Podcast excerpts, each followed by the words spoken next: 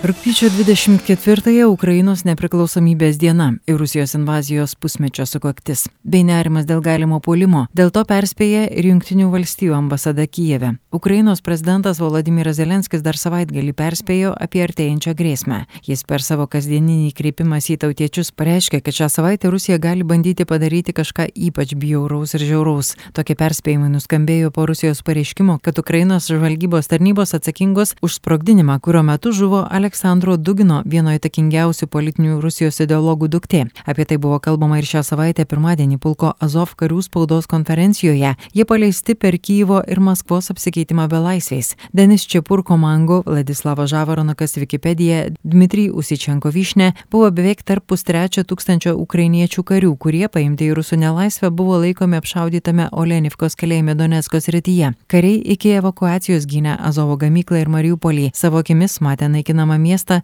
nelaisvėje mušamus kankinamus kovos draugus. Well,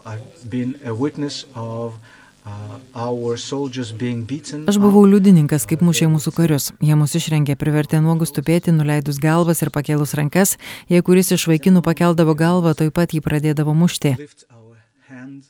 Pasakojo sunkiai sužeistas Azov karys Denisas Čipurka. Jis gynė Mariupolį nuo vasario 25-osios, gegužės 11-ąją buvo sužeistas. Mane mušė, kad pasirašyčiau įrodymus prieš mūsų vadus, kad mes bombardavo miestą, kad prisimtume tai, ką jie padarė. Aš atsisakiau pasirašyti, mane mušė lasdomis, nuolat gazdino egzekuciją. Mačiau draugus, kurie dingdavo dviems, trims dienoms ir grįždavo sulaužytomis rankomis, kojomis ir šonkauliais. Arba neduodavo vandens 2-3 dienas, tada duodavo techninio vandens. Neduodavo maisto, rusai tikrai nesilaikė Ženevos konvencijos. Mes mėgojom ant grindų, kur vienas kvadratinis metras kareiviui.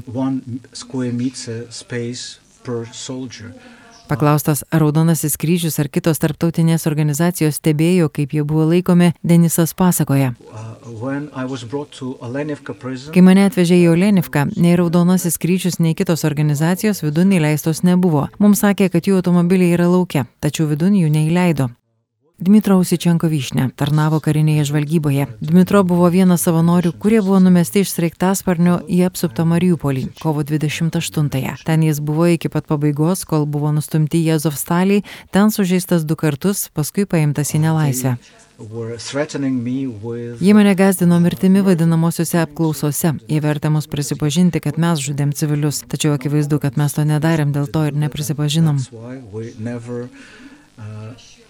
Paklausti, ar žinojo apie prezidento Volodymyro Zelenskio nuolatinius pokalbius su Azovo gynėjų vadais ir kaip vertina pastangas padėti jiems tiek ginant Mariupolį, tiek ir nelaisvėje, kariai pasakojo. Mes gaudavom informaciją, kad mūsų vadai bendrauja tiesiogiai su Mariupolio gynėjais ir kad jie stengiasi atblokuoti miestą bei padėti mums. Girdėjome ir apie specialias pajėgas bandančias pristatyti vaistų amuniciją. Mums tai buvo labai svarbu žinoti, kad mes nepalikti, nors to ir neužteko. Buvo svarbu ir tai, kad Mariupolis labai svarbus priešai, tad jie neprileido, kad į miestą patektų bairaktarai ar kiti dalykai. Apie tai, ar jiems svarbi informacija apie Azovą, ar tai padeda, kariai sakė, jog jiems rūpi tik ginklo brolių likimas. Right now, Man rūpi tik tai, kas nutiks mano ginklo broliams Olenivkoje. Jie buvo evakuoti, tačiau priešas žodžio niekada nesilaiko, mes to nesitikim. Rusai niekada to nedaro. Taip jie elgėsi šimtus metų, bet mano to nelengviau, nes ten mano draugai. Mes gaunam informaciją, tačiau tai melaginga. Kaip ir pavyzdžiui informacija apie tai, kad kažkokia vadinama pulkininkė kalta dėl Dugino dukters nužudimo. Daugybė feikų apie Haimarsus raketų sistemas, tačiau mes žinom, kad Rusija nesilaiko susitarimų ir pažeidinėja tarptautinės konvencijas. Todėl aš bijau dėl karių, kurie vis dar nelaisvėje.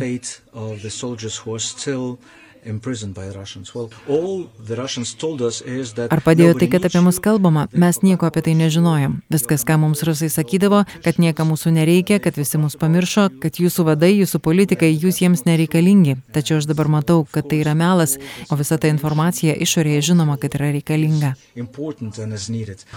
Aš taip pat nieko nežinojau, mes buvom kaip vakume, girdėjom tik jų pusę ir ką jie kalba, kad vadams, politikams mes nereikalingi ir kai grįšim mus nužudys. Pasakoja Dmitro. Jokių užuominų apie tai, kad mes neišleisim jūsų, nes kažkas kažką sako ar rašo, visiškai nebuvo. Tik tai, kad Ukraina nesilaiko susitarimų ir kad Ukrainos pusė nenori mūsų iškeisti. Jie nuolat rasdavo priežasčių nesikeisti belaisviais ir ieškojo atpirkimo už jų. Jokių kalbų, kad dėl viešai žiniasklaidoje ar kitur skleidžiamos informacijos mes nukentėsim nebuvo. Mums sakydavo, kad Zaporižė jau paimta, Harkivas irgi, kad ir rusai jau arti prie Kijevo, kad mes nereikalingi, kad jei mes jūs paleisim, tai nušaus ukrainiečiai. Visada aiškino, kad jau beveik okupavo visą Ukrainą, tačiau mes niekad netikėjom.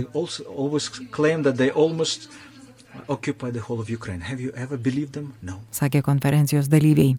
Paklausti apie Olenivką, kodėl jų manimų buvo sunaikintas Olenivkos kalėjimas, buvę belaisviai dalyjosi mintimis, kad šis teroristinis aktas Rusijos įvykdytas norint paslėpti karo nusikaltimų kankintų belaisvių įkalčius. There, they Dugino dukters nužudimą jie vertina kaip provokaciją, teigia nieko apie ją nežinoja iki jos mirties ir kaltinimai Azovo pulkui tiesiog absurdiški, tačiau netmeta galimybės, kad tai gali būti dar vienas įrankis planuojamam neva karo tribunolui Mariupolyje, kad jie apskritai galbūt gyva ir tai tiesiog eilinė dezinformacijos ataka. Можливо, вона і не замерла, не вмерла, Aš galiu patikėti, kad rusai pateikė klaidingą informaciją apie viską, kad ji gali būti gyva arba kad buvo nužudyta Rusijos smogikų viduje, bet nesuprantu, kokia šio teroristinio akto prasme. Tai iš tikrųjų skamba kaip melagiena ir gal tikrai Rusijos politika jautėsi ne kaip dėl to, ką jį kalbėjo ar norėjo pasakyti, tačiau dabar tai buvo pritaikyta, kad tai Azovo karių darbas. Na, jie nuolat meluoja. And, uh, Aš jos nežinojau ir manau tai provokacija prieš Ukrainą bandant suversti kaltę. Azovo pulkas yra karinė struktūra, mes ne politikai, mūsų darbas kautis kovos laukia. Šis incidentas su Dugino dukra atrodo kaip priemonė daryti įtaką patiems rusams. Aš apie ją nežinojau nieko iki jos mirties. Tačiau Rusijoje jie žaidžia paprastų žmonių jausmais, bando sukelti užuojautą. Štai žiūrėk, dukra politiko, filosofo, mąstytojo, propagandinio filosofo, bet vis tiek labiausiai tikėtina, kad jie tai naudoja pasiruošimui tam teismui Mariupolyje. Gali būti tai melagiena gali būti jie iš tikrųjų žuvusi, iš kur man žinoti. Nei aš, nei mano draugai mes apie jį nieko nežinojom. Dabar pristatoma, kad mes neva siekiam ją nužudyti. Tačiau man nerūpi, kas jie. Man rūpi tai, kas atsitiks tiems, kurie žudė ir privartavo civilius Mariupolyje. Man nerūpi Dugino dukra. Kalbėjo Zovo karys. Kokie buvo rusų tikslai nužudyti Olenivkoje karius ir dėl Dugino dukters? Konferencijos dalyviai sako, kad tai tikrai gali būti paruošiamasis informacinis laukas tam vadinamam teismui Mariupolėje.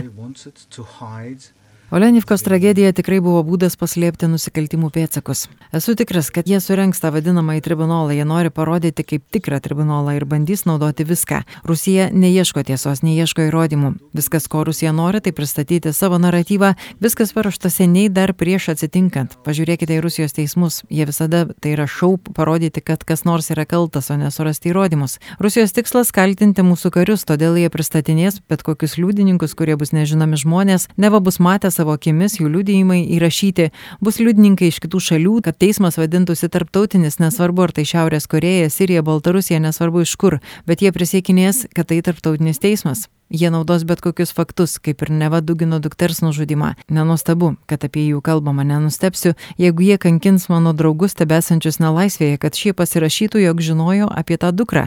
Jie jau turi viską parašyta iš anksto, jiems reikia tik, kad kas nors balsu tai pasakytų.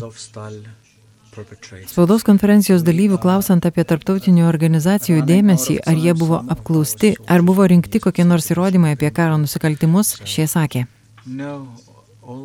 Ne viena tarptautinė organizacija manęs neapklausė. Vieninteliai, kas apklausė mane apie belaisvo laikymo sąlygas, buvo Ukrainos saugumo tarnyba. Jie vieninteliai rinko tokius įrodymus iš mūsų. Galiu tik pakartoti, kad nemačiau jokio Raudonojo kryžiaus ar Amnesty International Olenivkoje ar kur kitur, kur mes buvom kalinami. Galbūt jie buvo pirmas kelias dienas, kai aš buvau be sąmonės, tačiau aš nemačiau. Mes kažkodėl jiems neįdomus. Kai mus evakavo 17 dieną, Raudonojo kryžiaus atstovai įlipo į mūsų autobusą, išdalijo lankstinukus ir paklausė, kam mes norime, kad būtų pranešta, ar kariniai vadovybei ar giminėms. Jie paklausė vardo, pavardės ir ką informuoti - vyriausybę ar giminės. Dokumentavo tik patį faktą, kad mes įkalinti, bet nieko daugiau. Kaip aš sužinojau vėliau, kai grįžau į Ukrainą, man pasakė, kad Raudonasis kryžius stebi mūsų įkalinimą. Tačiau jokie tarptautiniai stebėtojai ten nebuvo įleidžiami, kur aš buvau laikomas. Tad kaip jie gali sakyti, kokios mūsų laikymo sąlygos? Jei negalėjo įeiti į Olenivką, cechą arba ligoninę, kur mane laikė kaip belaisvį. Dėl to man taip rūpi likę belaisviai, nes niekas nežino, kas ten vyksta, tik patys priešai. Net jei juos kankina, kai mes kalbam, nei Raudonasis kryžius, nei Amnesty International niekas ten negali prieiti ir fiksuoti. Azovo kariai patvirtino savo akimis matę, kaip rusų kariai terorizavo civilius, apšaudė plėšį mašinas būtus, liudyja ir apie dingusius įkalintus ginklo brolius, kurie buvo nužudyti ar kankinami.